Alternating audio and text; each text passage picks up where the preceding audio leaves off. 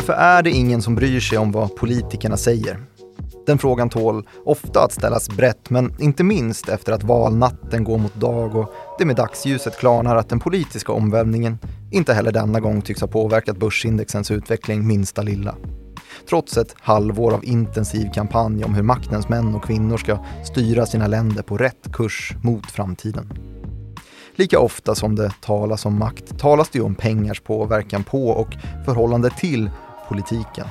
Men ändå tycks kapitalet fullständigt oberört av politiska utfall så när som på marginalen. Hur kan det vara så när money makes the world go around och valutamakten bekräftas vara det allra kraftigaste vapnet över det världsherravälde som av historien att döma aldrig vilar i riktigt säkert grepp? Det här, det är Follow the Money, en podcast om makt, storfinans och börsen av med mig, programledare Martin Nilsson och utrikesredaktör Joakim Rönning som jag antar var och röstade blankt i det riksdagsval som var för några dagar sedan. Kan du hoppa på och sätta dig på? som den oberoende du är. Oberoende betraktare och bevakare av samtiden. Aldrig någon åsikt. Nej. Härligt. Men jag är väldigt intresserad av tre saker som är nära förknippade med sånt här. Med val? Precis. Och de tre sakerna är makt, storfinans och börsen. Hej. Ja. Hur fick du till det? ja, för jag tänkte vi skulle prata om det här på riktigt idag. Med makt? Makt, storfinans och börsen. Mhm. Ja. För det är ju ett ständigt återkommande tema lite grann runt valtid så här att någon försöker få till en skön liten, gud vad kul ändå om, om det är något börsbolag som kanske påverkas lite grann av valutfallet. Och det är det alltid. Det kommer ju alltid någon liten artikel om det i alla fall. Absolut. Man försöker dra den där tråden så långt det går. Mm. Men den tröjan som den tråden eh, sluppit lös från, lite sådär som det kan bli ibland när man har eh, en lös tråd i sin tröja. Den är ganska liten den tröjan, Mm. ofta. Den tar slut, den tråden ganska snabbt. I det här fallet nu, när vi sitter här den eh, 13 september, två dagar efter eh, valnatten, så var det ju kanske en handfull bolag som påverkades och det var ju då vinster i välfärdbolagen. Och de påverkades ju lite får man säga. Det var ett bolag som stack ut lite grann, Academedia, Ja. skolbolaget. De eh, stack väl upp sådär en 15% på själva dagen efter här.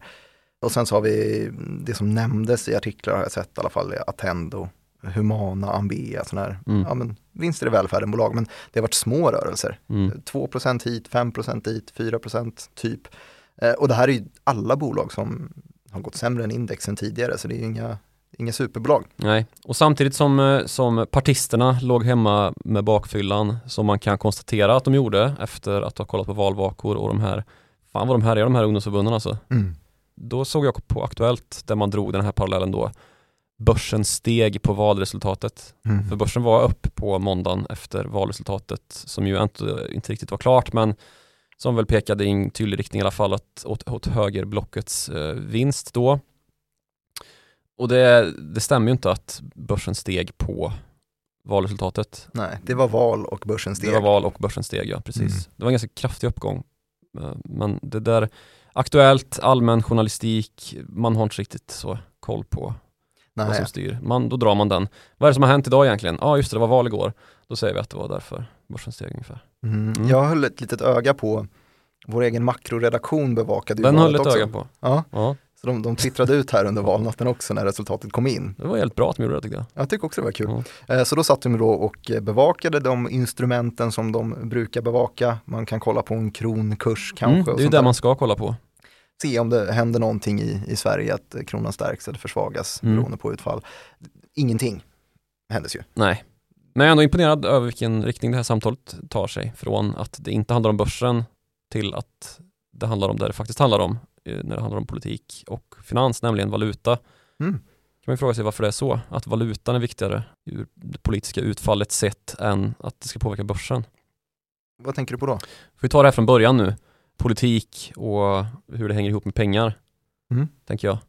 Och då får man gå hela vägen ner till, till den allra mest, liksom, eh, ta på sig sin allra mest pedagogiska hatt och ta fram pekpinnen och säga att politik utgår från någon form av behov. Åh. Det var grundläggande. Ja, där tappar vi hälften av alla lyssnare känner jag. Ja, men i alla fall- fyra kvar. Ja, vi har behov eh, lite var och en till mans. Och dessa behov kan man täta med hjälp av eh, tillgångar som kan uppfylla behoven. Mm. Alltså mat till exempel. Mm. En sån, ett sånt behov man behöver fylla ibland. Äta. Och för att få rätt typ av tillgångar till sig så måste man idka någon form av byteshandel ju i moderna samhällen. Så har det varit under lång tid. Just det, människan är inte självförsörjande Nej, man är ju inte det. Och det kan bli ett ganska klumpigt, stökigt system om man måste springa omkring med en kärra med grejer hela tiden. Mm. Och någonstans i historien så bestämde man sig för att det här med handelsvaror kan vi inte liksom substituera det mot någon typ av värdebärare. Så istället för att handla med, med potatisar eller, Ja, eller vete potatis och liksom. Så byta det mot en tröjtråd som man har dragits ut. Eh, Så 20 potatisar mot ett cykeldäck. Ja. Billigt cykeldäck kanske, kanske, beroende på vilken tid på året. Verkligen. Eh, Men det är inte så stor efterfrågan på cykeldäck längre såg jag efter Thules vinstvarning här igår också. Du är så aktuell. Mm. Eh, I alla fall, en sån värdebärare som man kom fram till tidigt i historien, det var ju de här ädelmetallerna som finns. Mhm. Eh, guld, Guld. och silver och sånt. Som man kunde komma fram till efter ett tag att fan, det här kan man blanda upp med lite andra metaller som är lite, lite lättare och tillgängliga. Och så kan man ju göra penningar, mm, slantar av det. Och så kan man ju använda det som ett, ett, ett liksom värdebärarmedium. Så man slipper ha skottkärra med potatis. Precis.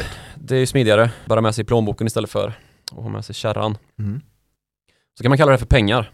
Och lite senare i historien så kom man på att fan det är stökigt det där med metaller också. Tungt. Bättre att man bara använder papper. Mm. Och där kommer vi in lite grann på först och främst då guldmyntfot, att man började stämma av värdet på en sedel där man lovade då att sedeln är värd guld som ligger i ett valv någonstans. Men så kan man också multiplicera värdet som finns beständigt ute i samhället då i den penningvolym som man har mot ett lite mindre värde i ett valv av guld då. Eftersom att man antog att alla kommer inte komma och vilja ha sitt guld på samma gång ungefär. Just det. Smart. Och så har vi det som kallas för fractional reserve banking. När man har bara en bråkdel av det faktiska värdet i guld i det här valvet. Precis. Och så finns det många fler sedlar i omlopp som Ja. backas upp av samma lilla guldreserv. Och så litar man helt enkelt på att det finns en stat här som, eller en, en, vad ska man säga, en huvudman i form av då alltid, eh, för det har aldrig funkat med bolag som huvudman utan en stat som en huvudman då som lovar att så här, ja men det här värdet är faktiskt, man kan få helt enkelt stämma av värdet mot statens trovärdighet kan man säga. Och när som helst så kunde man ta sin papperslapp som var värd någonting och byta in den mot en fast summa guld. Ja, Om man vill. Mm, precis, så var det ju. Men det länge. var ju få som ville då eftersom Nej. att det var ingen som ville gå runt och bära guldmynt utan det var lättare med sedlarna. Så är det. Och den här staten då som, eh, som så att säga vidimerar värdet eller bekräftar att det finns ett värde på den här sedeln om den är äkta. Det är ju också den stat då som administrerar den eh, välfärd som finns ute i samhället. Och den välfärd som eh, finns ute i samhället är ju beroende då av att det finns olika typer av infrastrukturella system till exempel. Som- Vägar, Ja, vägar till exempel och eh, Postnord. Ja, det är bra välfärdssystem. Ja. Ja, men alla möjliga sådana där grejer som gör att samhället faktiskt funkar. Att det går att handla och eh, utveckla saker och genomföra transaktioner i vår ekonomi. Det är någonting då som är beroende av att man har ett system där man utkräver skatt från medborgarna. Som då ska betala vägarna och Ja, Postnord. precis. Och det gör ju man då i den här valutan som man styr och ställer över. Mhm. Och så går det hela ihop genom det att man har också penningpolitik, en centralbank som ju är den här valvägaren kan man säga. Där den här lilla guldreserven finns. Är det samma personer då? Som administrerar välfärden och vaktar guldet? Nej, det är ju, eller det kan man väl säga att det är, men det är då helt neutrala personer, tjänstemän som sitter på den här centralbanken. Personer som röstar blankt och inte har Personer någon som åsikt. röstar blankt, inte har en åsikt och som bevakar sin eh, samtid. Mm. Och är intresserade av makt, storfinans och börsen kanske. Kanske så. Mm. Jag tycker du borde skicka din ansökan till direktionen direkt istället för att sitta här. Ja, ja.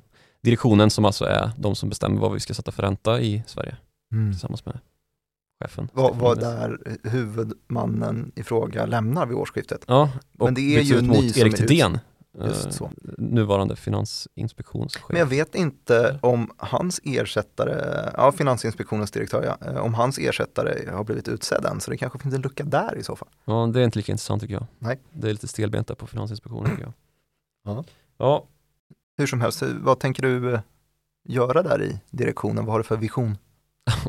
det tänker jag inte gå ut med. Nej. Eh, eftersom att jag är Karaktärslös. eh, oberoende och Ja. eh, eftertänksam. Och alltid agerar på inkommande data snarare än sitter och har visioner på det här viset. Mm. Men det man gör i direktionen då, det är ju vilken ränta vi ska ha i det här landet för vår svenska krona då.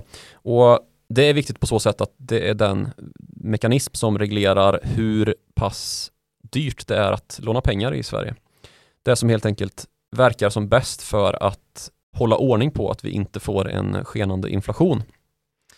För inflation får man ju när man trycker pengar lite för mycket samtidigt som det saknas varor att handla med. Mm. Eh, typ som just nu, då blir det inflation. Och då måste man dra i handbromsen och det gör man genom att höja räntan, då blir det dyrare att låna pengar och då vill färre göra det. Och så blir det lite paus i ekonomin kan man säga. Det kommer ju ett nytt eh, penningpolitiskt besked som det kallas de här mötena där man höjer eller sänker räntan den 20 september, en vecka. Ja. Vad, vad tror du att det landar på? Jag tror det blir en superhöjning. En trippel? Vad ska man kalla det för? Sådana trippelhöjningar.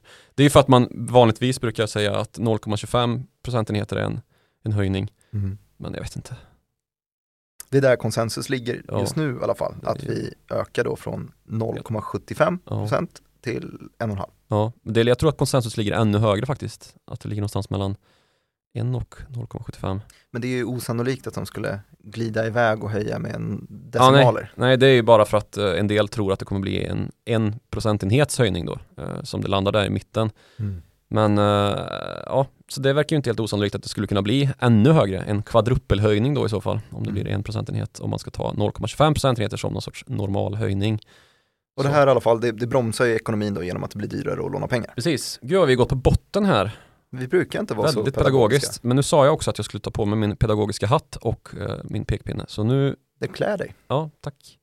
Och samtidigt som jag, som jag långsamt klär av mig Genom att dra loss trådar från din tröja. från min eh, magisterrock, gud vad äckligt det där lät. Verkligen. Ja, eh, så vill jag också då konstatera ännu en gång att eh, nej, men politiken har ju uppenbarligen ingen verkan på, på finansen på så här daglig basis efter ett val i alla fall uppenbarligen. När nålen inte rör sig minsta millimeter typ av eh, mer än på vissa mm, mindre bolag som, som har direkt påverkan från vinster i välfärdsregleringar som ju nu inte väntas eh, bli några. Ja, men det har ju varit de bolagen då som är direkt kopplade till vissa sakfrågor i politiken. Vi har Mm, tidigare sett rörelser i eh, gröna energilösningar. Ska det vara subventioner på solpaneler? Ja, jo, då får ju solpanelstillverkaren en kursrörelse beroende på valutfall och så vidare. Eh, och i det här fallet så var det väl vinster i välfärden-bolag. Mm. Och på, om man ska gå in på liksom storbolagsindex så var det väl det enda man försökte dra någon sorts koppling var väl SBB, Samhällsbyggnadsbolaget då som är ett eh, fastighetsbolag som köper upp eh, en del fastigheter från stat och kommun. Det var ju långsökt alltså. Ja, den är långsökt. Men det är väl lite för att det är också är det den näst mest ägda aktien eh, på Stockholmsbörsen också. Att Ja. det blir många rubriker då för man vill Ja. ha klick. Man kan väl också tänka sig att om Vänsterpartiet hade fått eh, 51% så hade det blivit svårare för Ilja Batljans, eh, ja, han är ju förresten en gammal mm, socialdemokrat som, Var han kommunalråd i Nynäshamn? ja, men han hade ju lite odds på att bli ersättaren till Mona Sahlin var det väl, back in the day. Eh, han gjorde en Jan Jan Emanuel kan man säga och blev miljardär istället. Mm. Ja, SBB är i alla fall det enda bolaget som har försökt dra någon sorts koppling till då i OMXS30, storbolagsindexet i Stockholm.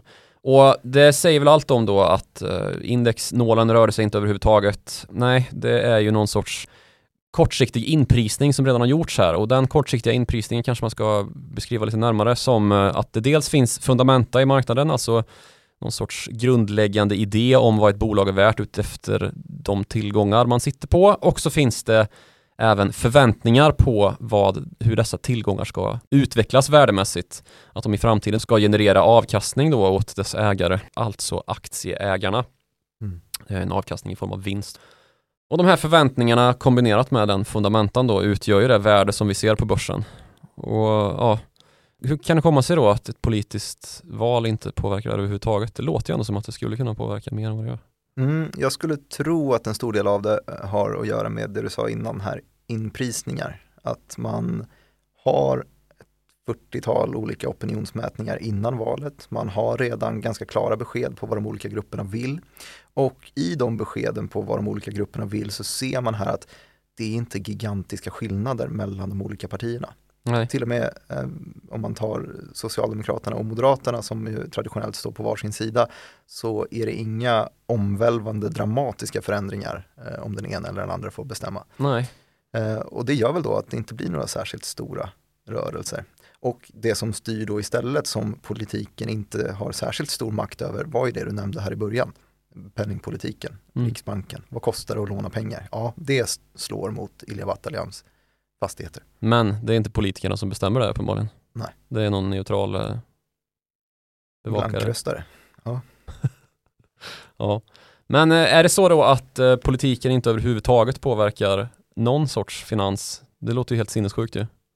Jo men det gör det ju såklart. Det, det bestämmer ju de långa dragen i, i samhället men på själva valdagen så är det inte så mycket mer ny information som ska bearbetas och de här bolagen som tjänar mycket pengar styrs av ganska mycket andra faktorer. Mm, just det, man kan dra någon sorts slutsats då att trögheten i demokratin är så pass stor att vi eh, inte ser förändringarna förutom i ett ganska så långt historiskt perspektiv egentligen.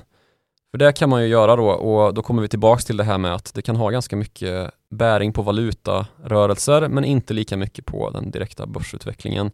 Och visst att det genom valutaförändringen kan ske en eh, jättestor effekt också på börsen eftersom att börsens bolag värderas i landets valuta. Vi har till exempel Brexit-omröstningen som ju ledde till stora fall på Londonbörsen som förvisso återhämtades ganska snabbt men det var ju direkt påverkat ganska mycket av en emotionell chock för investerarna eftersom att det var ett väldigt oväntat utfall där det bröt då mot den här trögheten i demokratin och opinionsmätningar som hade slagit helt fel och att marknaden absolut inte hade räknat med det här och därmed inte kunnat prisa in det på rätt sätt då att Storbritannien skulle plötsligt lämna EU-samarbetet. Det var ju en sån chock då som, som slog på valutan så pass hårt att det sen drabbade börskurser och gav eko även på Stockholmsbörsen. Ja, precis. Och det här är då en händelse som är tillräckligt stor för att det faktiskt skulle ge en, en rejäl påverkan.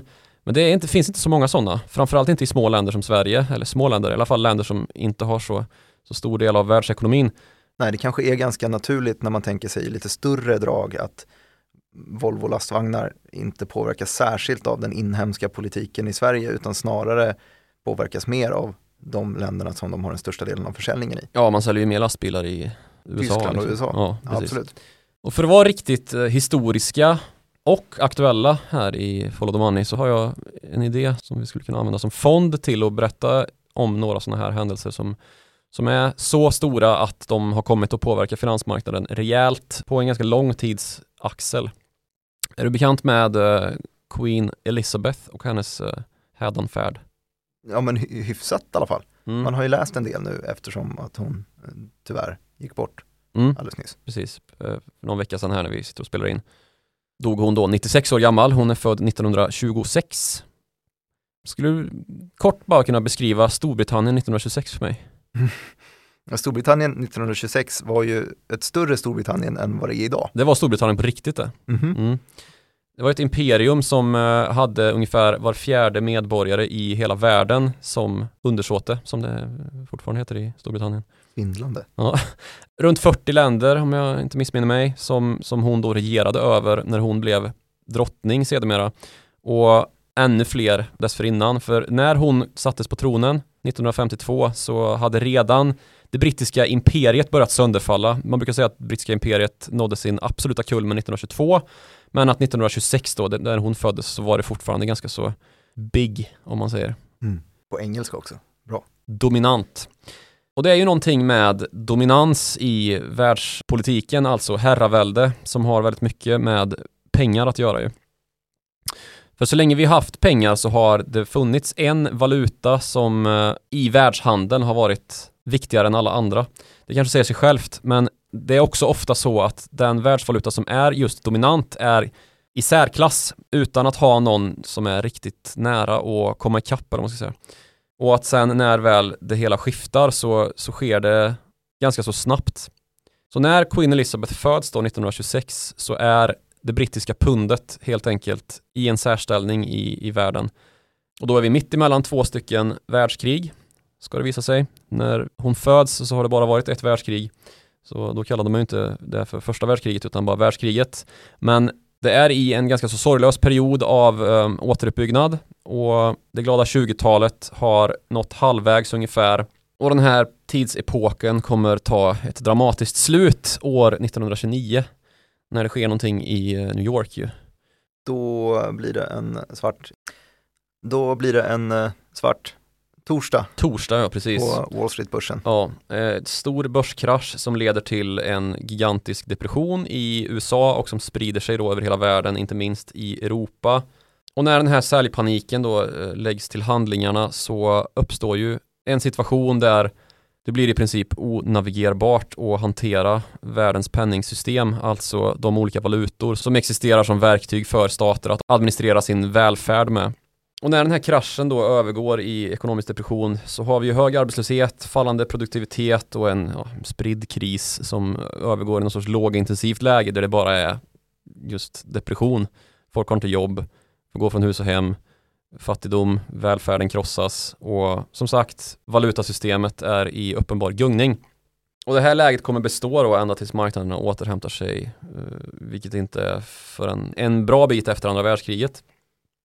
Och den, den hållpunkt jag tänkte vi skulle stanna till lite grann vid där uh, någonstans på vägen är en, en konferens. I uh, New Hampshire? Ja, i Bretton Woods. Mm. Som du som uh, makronörd gillar då. Det var därför jag satte den. Ja. Jag är glad för det. Jag tänkte du skulle få ta över där. Jaha. Mm. Uh, jo, jo, men uh, Bretton Woods är känt då 1944 för att här samlades nästan tusen stycken smarta ekonomer tror jag att det var. Var gigantiskt i alla fall. Eh, och prat... Jävla Woodstock-festival för nördar. Ja, verkligen. Woodstock-festival i kostym. Däribland också John Maynard Keynes mm. som var framstående tänkare vid det här laget, stor brittisk ekonom. Och man pratade om hur man skulle kunna konstruera en stabil världsvaluta. Eh, John Maynard Keynes eh, inslag i den här debatten i alla fall var att han ville just att en central världsvaluta skulle kunna implementeras i hela just världen då. då. Mm. Det var misär i väldigt många länder, man behövde någon form av centralt clearinghus som skulle kunna bistå sönderbombade länder med investeringar. Mm. Det blev inte riktigt så, men man eh, adopterade i alla fall delvis hans idéer och eh, säkert några av de övriga som deltog i konferensen. Smart, hur gjorde man då? Jo, man, man lät ändå ett sånt organ skapas med, med IMF som väl kommer till här direkt efter andra världskrigets Internationella valutafonden. Yes, exakt. Och istället för att det skulle vara en, en nyskapad global valuta så implementerar man samma idéer fast på den amerikanska dollarn istället så att man skulle kunna ha lite kontroll över den. Precis, det var ju rimligt ändå tänkte man att eh, amerikanska dollarn fick användas till det här eftersom att det hade ju blivit en högst betydande valuta.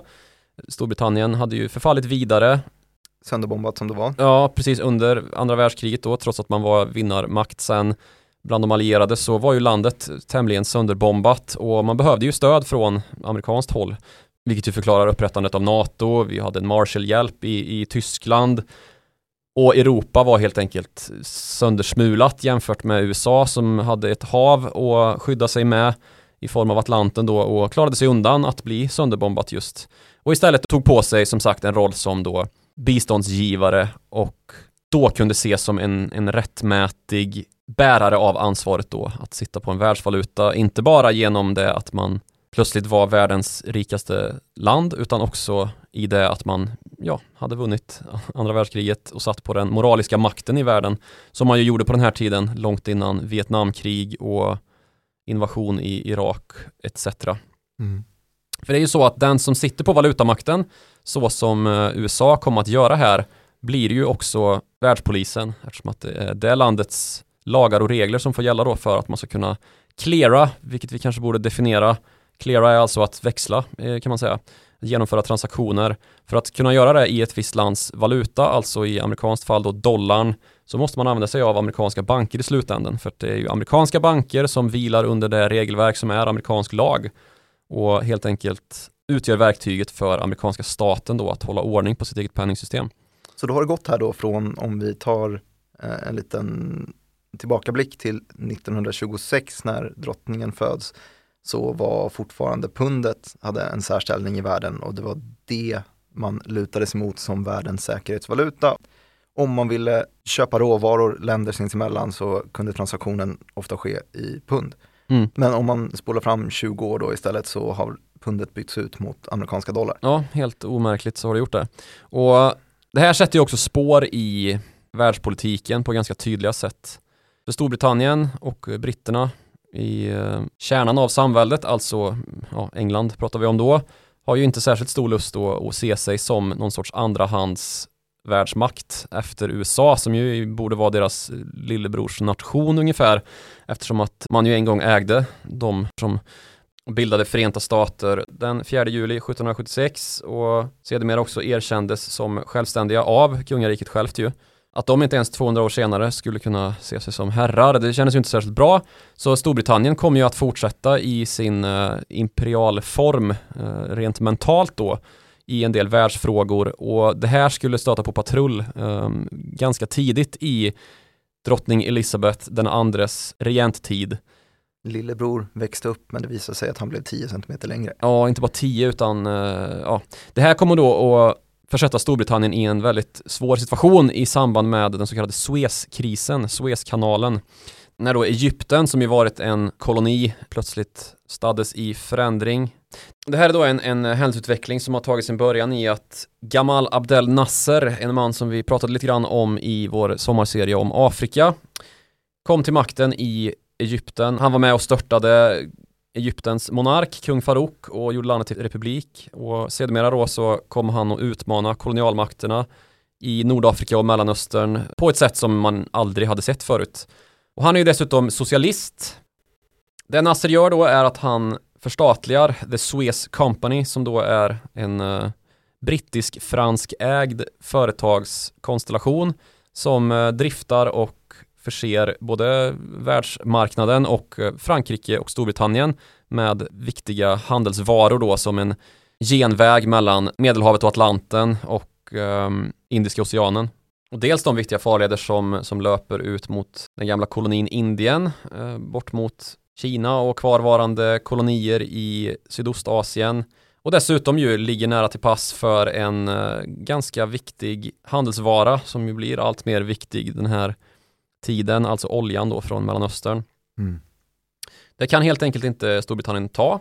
Att eh, Nasser bara bestämmer sig för att förstatliga Suez Company och det här leder ju till att Storbritannien och dess premiärminister Anthony Eden bestämmer sig för att invadera Egypten med hjälp av då Frankrike och dessutom Israel som ju är en eh, granne till Egypten och som ju alltid känner sig trängda och naturligtvis gärna sätter sig till motvärn när Frankrike och Storbritannien kallar. Om man tänker att Nasser, han är ju dessutom socialist, så det, det, är väl, han är ju en rimlig bundsförvant till Sovjet, han har redan börjat handla lite vapen och sådär. Och det här borde ju USA, som eventuellt ser sig som storebror redan, se som en, det är väl positivt att man ger sig på honom. Men så blir det då inte, utan eh, USA anser istället att om man skulle tappa Egypten så är risken att man tappar hela Mellanöstern eftersom att Nasser har blivit en så stark ledare och den här oljerika regionen, om den faller till Sovjets favör då i kalla kriget, som ju är högst på agendan i den amerikanska utrikespolitiken, så anser man sig inte ha, ha råd med det. Så när Storbritannien, Frankrike och Israel gör gemensam sak och beslutar sig för att invadera Egypten så möts det här då därför av ett, ett storskaligt fördömande av den tidigare allierade i andra världskriget, USA, som då istället vill se Nasser och Mellanöstern på sin sida då, trots att han är socialist. Mm. Så det är första gången som då storebror visar musklerna. Ja, det kan man säga. Och det här leder till en diplomatisk, ekonomisk och ja, men, överlag en geopolitisk katastrof för Storbritannien. Som är nära att leda till då att USA klipper banden till det här broderlandet. Och det sker då genom att FN hotar med sanktioner. Att Storbritannien då skulle drabbas av eh, enorma ekonomiska bestraffningar om civila skulle konstateras ha, ha dött i brittisk, fransk, israeliska anfall och med de här hotelserna så följer en ekonomisk panik i Storbritannien eftersom att det snart visar sig då att den här landstrion eh, Storbritannien, Frankrike, Israels landstigning den har redan inletts då bakom ryggen på, på USA och FN. Och dessutom så har ju som sagt Storbritannien och Frankrike som herrar över Suezkanalen gjort sig beroende av den för sin bränsleimport. Och när Egypten då sänker fartyg i den här kanalen för att jävlas och göra den ogenomfarbar då så skapar ju det en oljekris i de här ägarländerna. Det var ju någonting vi blev varse här även för ett och ett halvt år sedan att det är en viktig handelsrutt när Mm. Evergiven eh, fastnade i samma kanal. Klassiska båten, Mm. de klassiska, Den kommer alltid Memesen. dyka upp nu när man pratar om Suez. det märks. Det är väl kanske 14 gånger vi nämner Ja. båten i det här kan vi väl göra. den typen av sammanhang. Ja, men eh, som sagt, den skapar en oljekris i de här länderna. Alltså de ägarländerna till Suezkanalen och det blir ju storslam för Egypten kan man säga. Förnedrad fiende samtidigt som man lyckas införliva Suezkanalen för det får man till slut eh, igenom då via FN-mandat att nej men eh, Suezkanalen ligger ju där den ligger. Det är ju egyptiskt territorium egentligen om vi ska vara ärliga. Skitsamma att fransmän och engelsmän har byggt den. Ni får den. Så summa summarum så kommer ju Storbritannien här och bevisa att den, den imperiemakt som man har agerat utifrån som om den fanns i verkligheten inte gör det. Den är att betrakta som historia. Och när FN-styrkorna sätts in och konflikten löses upp då så står Storbritannien och även Frankrike med mössa i hand då. Man börjar till och med tvivla på om Storbritannien och Frankrike kan förbli under det amerikanska kärnvapenparaplyet för på den här tiden så, så är det ju bara USA som har kärnvapen och i NATO då. Och det här leder ju till att USA liksom befäster sin roll som världspolis och det är endast möjligt då genom de här sanktionerna som man hävdar skulle riktas då genom dollarsystemet. För det är ju amerikanska staten som sagt som har makten över dollarn och om man då trycker på mot FN att genomföra sanktioner då är det ju i dollar det, det gäller. Därigenom så får man ju naturligtvis en ojämförbart stor makt. Så Anthony Eden, den brittiske premiärministern, han får avgå förnedrad och kan konstatera sig ha dragit britternas självbild i smutsen. Och sen dess så, så har Storbritannien aldrig kommit tillbaka. Det är ju ganska lätt att se det på det här viset. Om man tittar på Storbritannien idag jämfört med när Elisabeth Elizabeth tillträdde tronen och ännu mer från det att hon föddes så är det ett land som har närmast pulveriserats ju. Det finns 15 utländska territorier kvar i eh, samväldet under kronan. Men land efter land lämnar ju allra senast Barbados. Och fan vet om inte hennes son Charles den tredje, som han ju nu heter, kungen, kommer bli den som får se det totala upplösandet i form av då att Skottland också kastar in handduken om eh, imperiemedlemskapet. Eh, det har ju redan varit en omröstning där stanna-sidan vann med 55% men trenden i unionsupplösningen där Skottland närmar sig utträde är tydlig ändå. Inom ett par tre år så väntar nog en ny omröstning avseende skotsk självständighet. Inte minst på grund av då Brexit som ju var ett djupt impopulärt beslut i eh, Skottland. Mm. Om man tittar på hur det förfallet började då så har vi ju andra världskriget naturligtvis som ju inföll efter den här depressionen som spred sig runt jorden. Och det var ju ett världskrig som man förvisso vann tillsammans med bland annat Frankrike ju som ju var en av de här andra som fick se sig lite stå i skamvrån efter det här upptåget i Egypten, eh, Suezkrisen. Men det är också två länder som, som det här kriget, andra världskriget kostade ofantligt dyrt ju. Framförallt i Asien om man ska titta på imperiemakt. För Japan levde ju rövare där i Sydostasien och visade hur löst liksom, både brittiska och franska besittningar egentligen hängde. Och dessutom så fick ju Storbritannien ge upp Indien som koloni kort efter andra världskriget, vilket ju inte var helt eh, utan att konstatera att Indien hade faktiskt stått för en heroisk insats under andra världskriget. Det dröjde ju bara två år innan Indien var självständigt. För oss verkar det ju ganska sjukt att det skulle vara någonting annat än dollar som dominerar världen, men det verkar ändå vara hyfsat föränderligt. Ja, på de här långa tidshorisonterna så, så är det ju det. Mm. Och man skulle väl kunna tänka sig en liksom alternativ historisk berättelse eller en alternativ historisk berättelse utan mellanslag mellan alternativ och historieberättelse. Bra. Om man då tänker sig vad hade hänt om, om Storbritannien, Frankrike och Israel hade kört över USA och gått sin egen linje. Hade det varit rubeldominansen? Ja men du vet, alltså, kanske. Vi hade ju haft en valutamarknad som hade sett väldigt annorlunda ut i alla fall om inte Storbritannien och Frankrike, kanske Västtyskland, förmodligen några, några Mellanösternländer hade sett olika på det här då. Om man hade helt enkelt vänt sig bort från dollarn och bestämt sig för att nej men vi, vi ska återgå till pund nu eller på annat sätt då utmana USA. Vi kan inte hålla på och leka världspolis så här. Diktera villkor fritt för hela västvärlden. Då hade vi splittrat NATO i tu. Vi hade haft en tredje entitet i kalla kriget förmodligen. Storbritannien och Frankrike hade aldrig släppt sina utländska territorier på samma sätt som de gjorde då under ganska starkt eh, FN-tryck ju. USA ska man ju minnas var inte en kolonialmakt överhuvudtaget, var snarare antikolonialism och låg på för att den här förändringen skulle ske då att länder som inte satt ihop med liksom moderlandet skulle ges frihet. Israel hade förmodligen expanderat, fått hela Mellanöstern emot sig och om man ska se då på, på Mellanöstern som det politiska inferno det ju har blivit så kan man väl upprätta en hypotes om att eh, Storbritannien och Frankrike kanske hade bundit till sig de Shia-islams dominerade länderna och fått se Sunni-islams dominerade länder vända om ryggen då givet att USA kontrollerade diskursen visavi Saudiarabien som ju är Sunni-islams största fäste medan då Storbritannien hade fått ta parti för Iran till exempel. British Petroleum är ju ett eh, BP alltså. Det står ju för British Persian Petroleum i grund och botten. Medan då Saudi Aramco som är Saudiarabiens oljebolag står för Arabian American Oil Company. Aramco, ja. Kanske man också hade kunnat få med sig typ Turkiet och Pakistan och ja.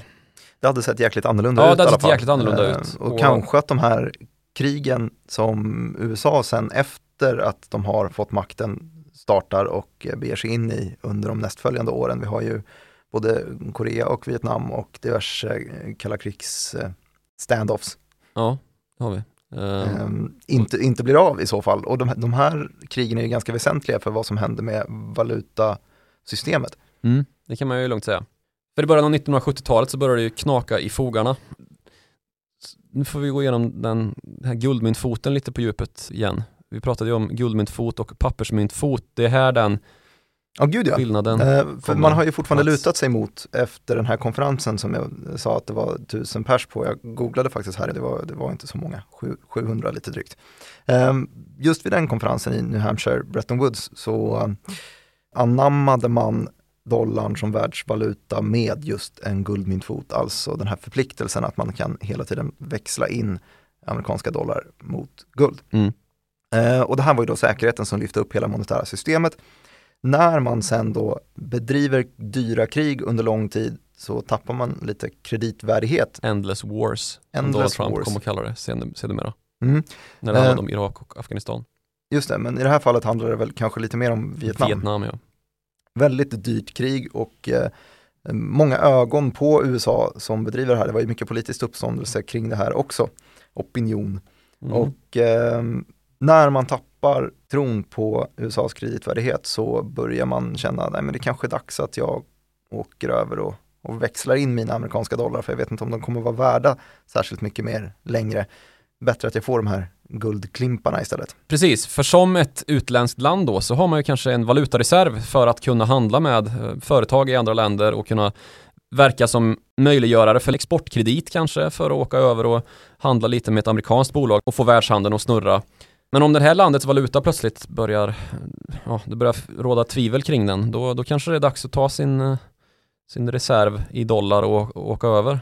Mm. Det var ju precis det som eh, Frankrike gjorde. Mm. 1971 så eh, skickar man iväg ett litet eh, krigsskepp och knackar på där vid New Yorks hamn. Tjena, Tja, det är vi. ska ha allt mitt guld nu.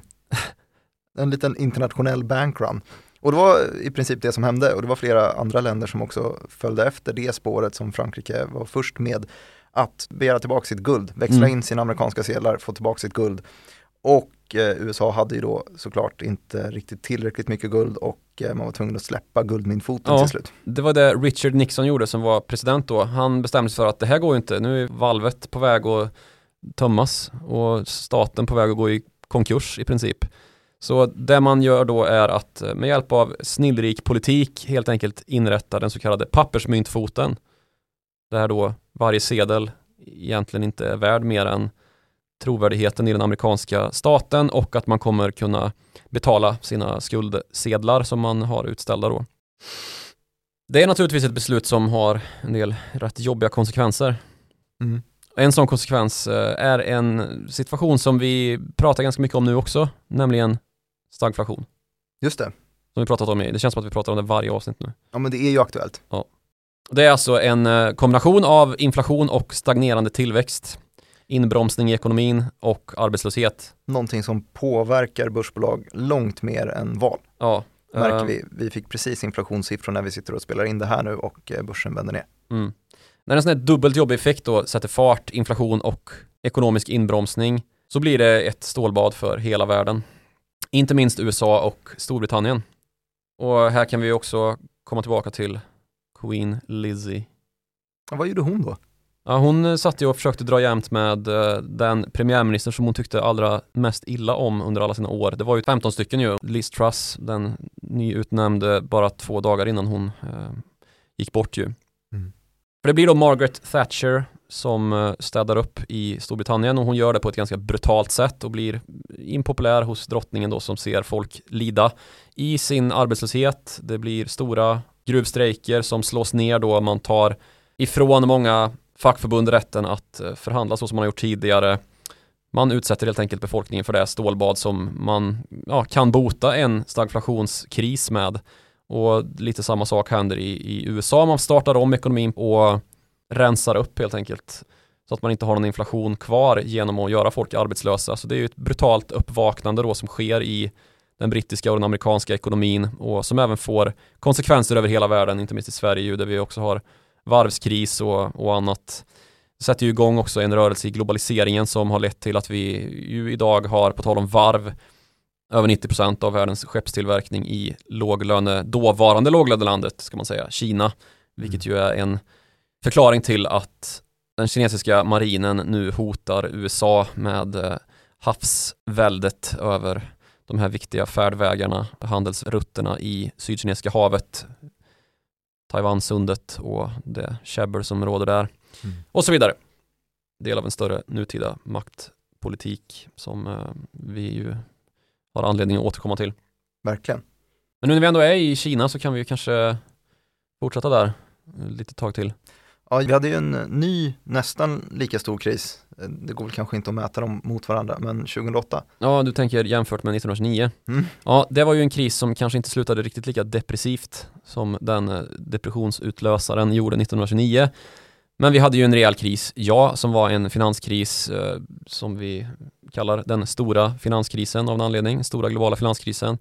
Och det här var ju också en kris som kom att påverka hela världen genom att banksystemet är så ihopflätat, att dollarn är så maktstrukturellt viktig, att det finns dollardeponier i hela världens banker, vilket gör en nätverksformering möjlig då att man har en valuta att transferera. Och på så sätt så, så har vi också en systemrisk ju, som man har kommit underfund med, inte minst genom den globala finanskrisen 2008-2009 och när detta sker då, eller kort senare, så, så är det då en duo länder som plötsligt slår sig i lag och bestämmer sig för att nu ska vi nyttja detta fönster av oro till att belysa problemet med att vi har dollarn som världsvaluta. Att vi har en enda valuta som vi inte klarar oss utan och den valutan tillhör ett land som därigenom har den absoluta världsmakten över vilken dikotomi som ska råda, vilka regler som ska gälla för hela världsekonomin i princip. I alla fall en ojämlikt stor röst i alla fall vad gäller just den saken. Vilka länder var det som eh, uttryckte missnöje? Ja, det är ju naturligtvis Kina och Ryssland mm. som då får för sig att den här idén som eh, John Maynard Keynes, den gamla Cambridge-ekonomen som eh, satte fart på Bretton Woods-mötet, den idén som han hade, den var inte så dum den. Att man skulle ha då en valuta som var separerad från länder och som då istället tillhandahölls av IMF, Internationella valutafonden. Det är ju själva grundidén med att vi ska ha IMF. IMF kommer ju istället att bli en, en organisation som ägnar sig åt liksom, mellanstatligt eh, stöd till den globala ekonomins olika länder. Det är då genom att man kan ge kortfristiga lån till exempel vid akuta kriser, att man ger tekniskt stöd för ländernas strukturer i, i centralbanker och så vidare. Sen så har vi Världsbanken också som är mer för att ge långsiktigt stöd och bistånd mer åt det hållet. Så det är ett hack ner på BNP per capita-skalan. Ja, precis. Välfärdsutvecklingen uh, i länder som har det riktigt illa ställt. De, de får hjälp av Världsbanken och de som är litet jack över där då i strukturell ordning uh, ofta får mer hjälp av IMF då. Så Kina vill att IMF startar upp eh, Keynes världsvaluta? Ja, precis. 2009 som sagt. H hur går det? Dåligt. Det, det, blir ju inget av. Marknaden för världsvalutor flyter ju på så att säga. Mm. Och dollarn har ju fortfarande sin hegemoniska ställning, om man så säger, världsvalutan. Och på den marknaden så finns det ju andra sorters åtgärder som man kan vidta då för att hävda sin makt. Och när man som Kina då som har blivit världens näst största ekonomi hux flux från att ha varit en högst marginell ekonomi för bara ett par tiotals år sedan så finns det naturligtvis ett egenintresse i att mota bort dollarn som världsvaluta, att man inte ska behöva rätta sig efter amerikansk lagbok och så vidare. Um, man har väl sett vad amerikanska sanktionerna kan göra för någonting. Ja, precis. Om Storbritannien inte sköter sig. Ja, eh, Storbritannien inte sköter sig. Sen så har vi ju lite mer dagsaktuella exempel också. Ryssland till exempel som ju nu får se sitt budgetöverskott förångas som gas. Uh, ja. Det är någonting som de verkligen har byggt en kampanj om, ju Ryssland sedan eh, sanktionerna mot att de eh, begav sig in i Ukraina Precis, landade. att man vill tvinga köparländerna då att betala i rubel istället för dollar som är legio för att handla med råvaror som gas och olja. För att USA då har fryst deras reserver, de får inte använda dollar. Mm. Och ett annat exempel då på just detta, det är ju den så kallade Petro-Yuanen.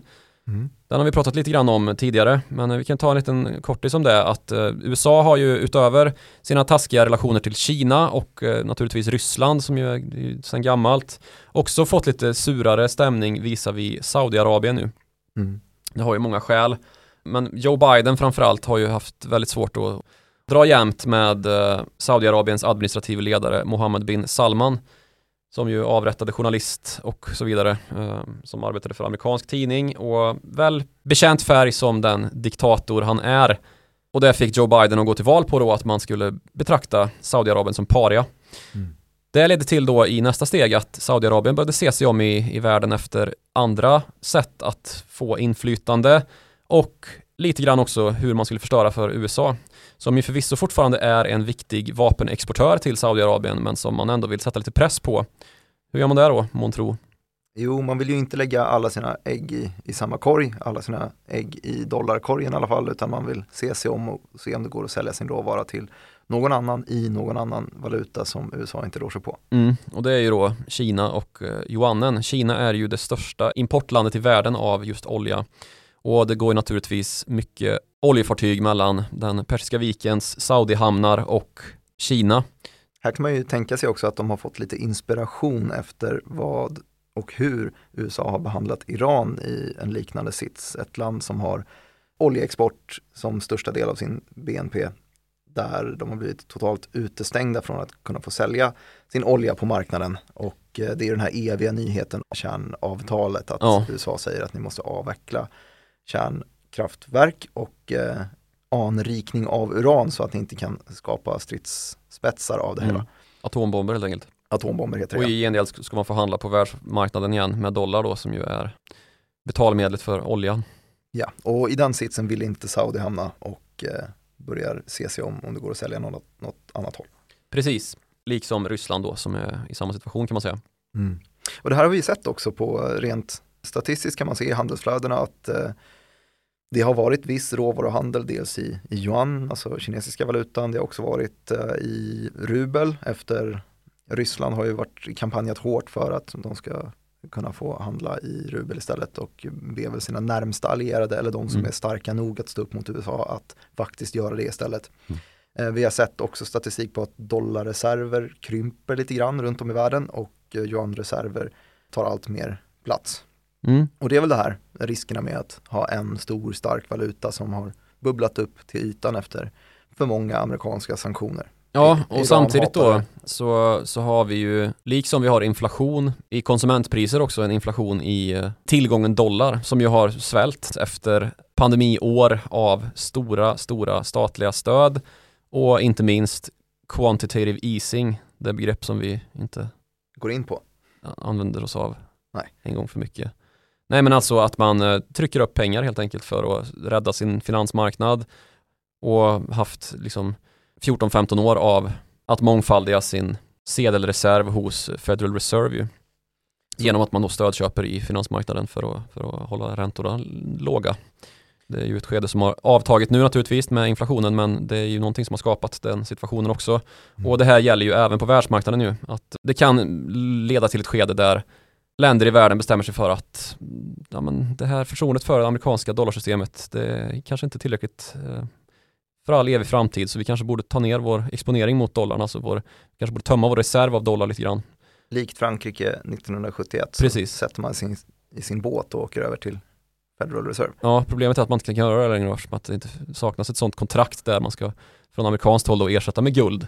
Istället så har man ersatt med eh, det stora förtroendet för att man ska betala tillbaka sina skulder på de obligationer som man sätter ut för att ta in pengar för att försörja den amerikanska staten och ja, just betala igen Fallhöjden är desto större. Ja, det får man ju lov att säga.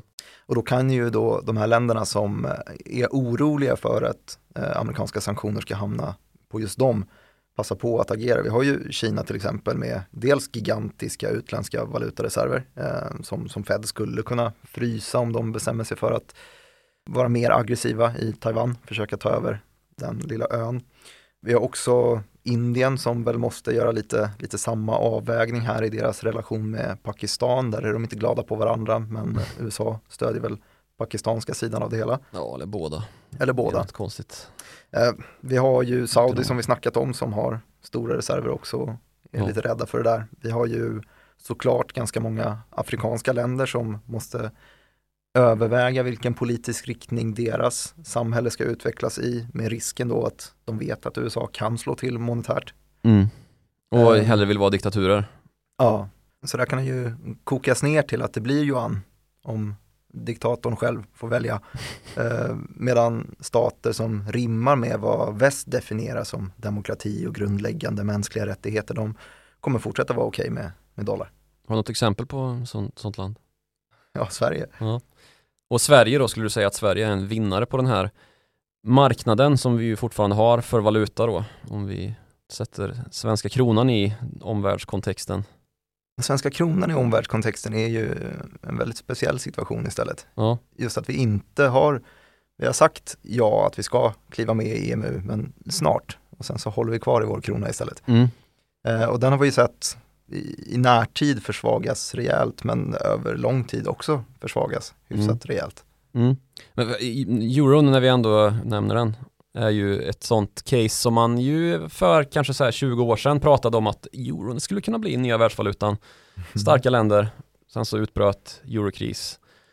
Och man insåg att det var ganska svårt. ja, det var ganska skört det där. Mm. Um, så det, det, är ju inte på tapeten längre utan nu pratar man mer om ja, men hur, det ska, hur det ska bli om man ska få en multipolär värld då så att Kina har sitt eh, välde på ena kanten och att USA har sitt på den andra kanten då. Men när vi kommer ner till Sverige då så kommer ju vi naturligtvis tillhöra västerlandet i, under överskådlig tid. Dessutom kanske som, som nyblivna NATO-medlemmar vad det lider här. Mm. Men nej, man kan väl inte säga att Sverige är eh, med sin krona någon relativ vinnare på, på valutamarknaden direkt. Den enda stora vinsten är väl att man har autonomiteten ja. av sin egen centralbank, att man slipper fastna i en eurokris. Precis, och det är ju viktigt för Sverige som ju dessutom är ett exportland. Just det, hur, hur fungerar det? Det är ju så att om den svenska kronan faller, alltså om man justerar ner värdet på den svenska kronan med penningpolitik då, så kan man ju göra den svenska exporten mer attraktiv för köpare i andra länder. Alltså det att deras valuta är starkare och man kan få mer varor för sina pengar i Sverige och det stärker svensk konkurrenskraft då på världsmarknaden. Mm, det är någonting som brukar upprepas av politiker och centralbank. Mm Chefsekonomer och sånt. Ja, ja det är dessutom. bra med en riktigt svag ja, krona. Just det. Men jag, jag har tänkt på det där lite grann och jag tycker att det blir lite av en ond cirkel också i det hela. Mm. Eh, jag visst om det är så att vi för all framtid kommer ha exportfokus i Sverige, att vi eh, till 60% exporterar snarare än importerar. Säljer av skogen. Säljer av skogen. Järnet. Mm. Eh, men... Det koldioxidfria stålet. Ja, det, det lägger ju samtidigt då grunden för att den typen av bolag kommer etablera sig i Sverige. Att mm. vi kanske inte får så mycket importtunga eh, företag. Utan att vi kommer ägna oss åt export. Eh, kanske på gott, kanske på ont, men vi låser i alla fall in oss. Och det vore ju kanske lite mer balanserat att just uppnå den, den balansen. Mm. Du sa att det här med att hålla kronan låg var någonting som upprepades i oändlighet av olika personer. Mm. Nu tänker jag säga någonting annat som upprepas i oändlighet av vissa personer. Mm. Av den missnöjdare arten. Berätta. Det, det, här är någonting som ofta återkommer i valtider just. Och det är då nämligen, hur fan kan det komma sig att Schweiz valuta, schweizerfrancen, mm. 1971 precis efter att USA hade släppt guldmyntfoten stod i paritet med den svenska kronan. 1 till 1 alltså. En schweizerfranc kostade en krona. När den idag kostar 11-12 typ va? Ja, precis. Vad fan har hänt med? Sverige? Där har vi ju eh, contender för safe haven-valuta. Ja, absolut. Schweiz då lyft fram som någon sorts ideal-Sverige här. Varför ska Eh. de här alltid jämföras? Ja, varför ska det alltid bli fel när man eh, jämför Sverige med Schweiz? Mm. Vår ofrivilliga felnamne kan man säga. Jag tycker det här, det här caset säger lite grann om vad vi förstår om valuta och hur relativa jämförelser är just relativa och det finns ganska mycket som skär i öronen när man hör den här jämförelsen. typ vad då? Jo men den används ju då som en sorts liksom bevis för att belysa att politik är väldigt viktigt för att bestämma ett lands konkurrenskraft. Och så, så är det ju naturligtvis. Men så nyttjar man då valutaskillnaden mellan svenska kronan och schweizerfrancen som någon sorts måttstock på det här. Och det man glömmer lite grann är att jämföra förutsättningarna då mellan Sveriges ekonomi, Sveriges demokrati och Schweiz ekonomi och Schweiz demokrati. Och jag tycker att den här typen av eh, retorik också kan leda till att man ser bort ifrån de faktorer som kanske inte är lika etiskt och moraliskt försvarbara som ligger bakom Schweiz framgångar och där Sverige faktiskt skiljer ut sig på ett ganska tydligt sätt men från en ganska så jämlik utgångspunkt. För Schweiz var ju också ett av få länder i Europa som lyckades undgå och dras in i andra världskriget. Precis som Sverige genom ett i vissa fall passivt samarbete med nazisterna i Tyskland. Och då handlade det till skillnad från i, i Sverige där det handlade om järnmalmsexport, om judar och att bankerna då eh, förvaltade guld åt tyskarna. Och vart det guldet kom ifrån, det, det vet vi ju. De hade ju stulit det i ockuperade länder, inte sällan från just judar. Därefter så har Schweiz fört en mycket mer restriktiv eh, invandringspolitik och det är väl ingenting som man behöver tycka någonting om. Men man kan konstatera då att invånarna i Schweiz består till en fjärdedel av immigrantarbetare. Under de senaste åren så har det fått en ganska så högljudd negativ internationell uppmärksamhet då på grund av eh, vilka rasistiska undertoner det finns i den schweiziska politiken och att man då har fört en så här restriktiv invandringspolitik i en tid där dessutom övriga Europa har varit ansatt hårt då av immigrantflöden från krigets Syrien och andra platser på jorden. Och det som särskilt har uppmärksammats då är att eh, Schweiz har upprätthållit en av världens strängaste lagstiftningar för att ge medborgarskap. Och sen så nyttjar man detta då som någon sorts facit på hur man ska agera för att förbli ett europeiskt framgångsrikt land. Eh, med definitionen då att valutan är 11 gånger högre än vad den svenska kronan är i en 50-årig jämförelse. Och det stämmer ju att Schweiz är ett av världens rikaste länder. Man har låg arbetslöshet, högutbildad befolkning, en väldigt stabil ekonomi som har expanderat under hela efterkrigstiden. Men det man lite grann missar då är den moraliska kostnaden för det här, som ju inte sällan dyker upp när man granskar schweiziska banker, som man ju gör ibland när man sitter på utrikesdesk. Vi har ju faktiskt gjort ett avsnitt om världens sämsta bank. Det har vi gjort ja. Credit Suisse. Credit? Suisse ja, det är världens sämsta bank. I alla fall när det kommer till sådana här frågor som moral och etik. Det kan de nog själva skriva under på till och med. För det är ju särskilt finans och eh, försäkringsverksamhet då som är eh, Schweiz levebröd ju. Inte bara klockor, ostar, och choklad och alpresor. För Schweiz har ju då märkt ut sig med sin enormt restriktiva informationsgivning om kapitalflöden och blivit världens centrum för penningtvätt i någon hundraårsperiod sådär. Så på samma sätt som Sverige har ett egenvärde av att få en allt svagare valuta år efter år för att behålla exportkonkurrensen så har Schweiz ett egenvärde i att behålla styrkan på schweizerfrancen och se till att den behåller den här starka safe haven-effekten och stabiliteten. Ja, det är helt korrekt. Landets roll som då internationellt finanscentrum har ju ökat undan för undan och tillväxten i banksektorn kommer sig av att man har en så stark internationell finansiell verksamhet i de schweiziska bankerna som är globala. Båda de största, Credit Suisse och UBS är väl de man kan lägga på minnet. Men det kommer sig då ur en situation där man då levererade tjänster till Nazityskland som bestod av att köpa tillbaka stulet guld, konvertera det till schweiziska franc som Tyskland sen kunde använda för att köpa krigsmateriel från andra neutrala länder. Sverige. För att efter kriget sen då kunna mångfaldiga sin balansräkning för de här schweiziska bankerna genom att bli clearing-nationen framför andra då. Alltså den plats där transaktioner mellan handlande bolag ägde rum. Så summan av den här utläggningen mellan Sverige och Schweiz är att båda är ryggradslösa valutamanipulatörer. ja, men alltså man, man, man, kan ju liksom ha det här i bakhuvudet i alla fall när man avundsjukt blickar ner mot Alperna. Och så kan man väl också tänka att 1971 då som blev liksom brytpunkten för det här med guldmyntfot och när Schweiz moderna tillväxt under skapades. Det är också året när kvinnor fick rösträtt i Schweiz. Sent. Ja, det är sent. Och i, liksom innan alla kantoner hade öppnat upp för, för rösträtt, alltså motsvarande deras, deras eh, landsting eller regioner, så det, det dröjde in på 90-talet. Så det är ju världsrekord sent. Mm. Så det är ju ett speciellt land på många sätt och liksom inte helt utan ett fläckat samvete och rykte och bank och kapitalförvaltningssektorn då som ju är själva liksom drivaxeln i hela den här maskinen som gör Schweiz till vad det är bidrar ju väldigt mycket till det lite svaga ryktet kan man säga. Och den här schweiziska neutraliteten då eh, har man ju verkligen skott sig på, inte bara under de här två världskrigen som vi genomlevde och som vi konstaterade har gynnat flödet av utländskt kapital till de schweiziska bankerna. För de här schweiziska bankerna och hela sektorn kännetecknades länge av en enda sak och det var ju diskretion. Hur långt banksekretessen gick. Anti-AML-arbete. Ja, verkligen. Alltså anti, anti-penningtvättsarbete. Exakt. Ja. Det är ju eh, det som bankerna klagar på mycket idag. Ja. Och att de måste starta upp så stora avdelningar, kostsamma för att eh, genomföra AML. Anti-money laundering. Det kan de väl förklaga på, tycker jag.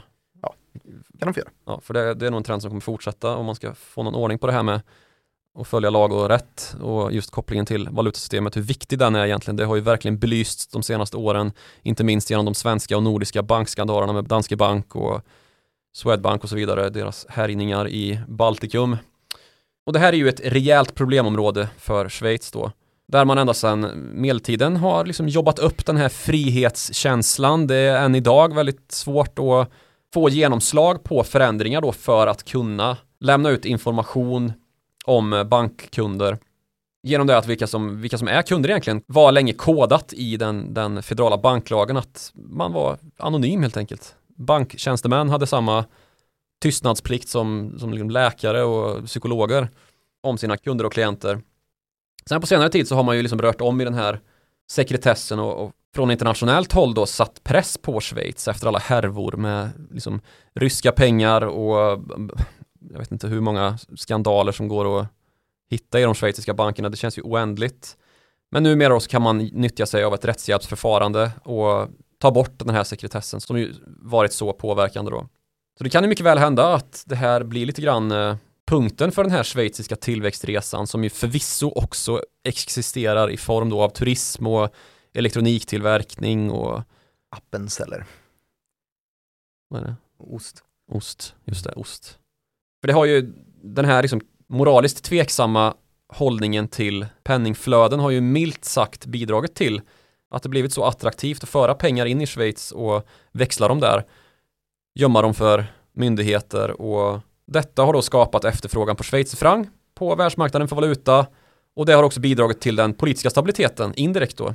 Den politiska stabiliteten består i Schweiz av en direktdemokrati inte som i Sverige, en stor fet riksdag eller ett annat sorts parlament med karriärpolitiker som i väldigt många fall aldrig jobbat i verkligheten utan hjärntvättats, uh, ursäkta drastisk retorik, i de svenska ungdomsförbundens vård innan de uh, gör inträde i riksdagen via valvaka för att sedermera då ligga hemma bakis när börsen inte reagerar. I Schweiz är nämligen politiker då betydligt mindre väsentliga i styret av landet då man sammanträder fyra gånger per år, fattar beslut om lagar som man sen då måste rösta igenom i de här mångtaliga folkvalen. Men de folkvalen är direktverkande kan man säga. I Sverige däremot då är, hör och häpna, folkval där vi går och röstar endast rådgivande ju. Mm. Vilket innebär att om politikerna skulle få för sig att nej men det här vill vi inte hörsamma, då behöver man inte det egentligen, enligt grundlagen. Och det har ju faktiskt hänt också i Sverige. Inte så länge sedan. Jag har röstat i ett sånt när jag var boende i Göteborg och man bestämde sig för att eh, driva igenom då från oppositionspolitiskt håll att det vore bra om vi röstade om den här tågtunneln som ska dras under Göteborg för flera miljarder och om vi verkligen ska behöva betala för den med trängselskatt. Det blev då en eh, folkomröstning som röstade nej, men eftersom att det bara var rådgivande så valde då politikerna att köra över befolkningen och nu byggs ju den här tågtunneln. Trängselskatterna betalas. Men i Schweiz så måste politikerna hörsamma folket och därmed så stiftas ju alla lagar av folket i tvingande folkomröstningar. Och sen den här jämförelsen med Sverige överlag är ju ganska tafatt. Alltså rent geografiskt så, så funkar det ju som det gör för Schweiz i och med att man ligger där man ligger. Liksom kopplingspunkt mellan Västeuropa och Centraleuropa och Östeuropa. Kompetens dras ganska naturligt hit på ett annat sätt än vad den gör till kalla Norden. Och dessutom så finns det en, en det kanske man kan lyfta fram som något positivt för Schweiz då och deras administrativa system utöver med att politikerna faktiskt måste lyssna på eh, vad folk röstar på det finns en mycket mer naturlig intern konkurrens i Schweiz då mellan kantonerna, alltså regionerna, vilket bidrar till att det inte blir den här konflikten mellan stad och land eller stat och region, kommun. Istället då så blir det ett fokus på regionala satsningar som inte blir lidande av de statliga. Alltså att det inte blir en motsättning i hur medel ska fördelas via skattsedeln utan att det liksom skapar en konkurrenskraft. Det är nästan lika krångligt att flytta mellan två kantoner som det är att flytta mellan två länder i Europa. Det är inte som det är i Sverige där man kan liksom ta sitt pick och pack eh, och dra mellan. Var det här en positiv del i Schweiz? Ja, för ekonomin så är det nog det. Inte för gemene man kanske, det blir ganska så stökigt. Men det gör att det skapas bättre incitament för att gräva där man står, eller vad man ska säga. Oh, det kanske man kan se som både positivt och negativt. Men jag tror för ekonomins räkning så är det positivt och det blir ett mer jämlikt samhälle. Det blir ett samhälle där man fokuserar på det man är bäst på ur ett marknadsekonomiskt positivt sätt att skapa konkurrenskraft då. Mm. Men eh, liksom grunden för att jämförelsen brister så mycket är att Sverige är en exportekonomi och Schweiz är en transaktionsekonomi då. Sverige mår ganska bra av en lite klenare valuta ofta för att den gör exporten billigare för utländska köpare. I Schweiz så är det tvärtom då som sagt att det är ofta här transaktionerna sker och faktiskt så är det så att ungefär 25 procent, en fjärdedel av alla globala råvarutransaktioner sker i Schweiz. Här finns ju en transaktionsmarknad då med företag som Glencore, Trafigura, Vale, svenskägda Gunvor Group ligger mm. också här, om jag inte missminner mig. Och för att det här ska vara möjligt då så, så måste man ju också nyttja de stora bankerna som stöttar den här transaktionsekonomin med krediter då. Credit Suisse och UBS då, de är ju stora som myndigheter och liknar dem också till formen. Och det blir man varse om man börjar titta närmare på dem. Det är, jag tror Credit Suisse har den sämsta hemsidan i eh, Bank Europa kanske mycket att säga. Handelsbanken är inte heller skitbra. Men den är dålig i alla fall. Mm. Kul att vi kom in på, på Schweiz i det här. Det hade jag inte väntat mig i det här avsnittet. Mm. Men eh, det är jag väldigt glad för. Mm. Så politik är viktigt men eh, svårt att säga hur på kort sikt. Jag tycker det här valet ska... kanske har varit asviktigt utan att vi vet än. Börsen kanske borde gå ner eller upp. 100%. Ja, det vore ju osannolikt. 100%. Men eh, politik är viktigt tycker jag att vi kan eh, i alla fall stanna vid en, en sekund när jag berättar att är det så att man själv vill tycka eller göra sin åsikt hörd så kan man göra det på followthemoney.direkt.se som är vår mejladress. Man kan också göra det till oss individuellt. Följ oss gärna på Twitter. Eh, utrikesredaktören här heter snabel Joakim Ronning och jag heter snabel Direkt Martin. Vi hörs igen om en vecka.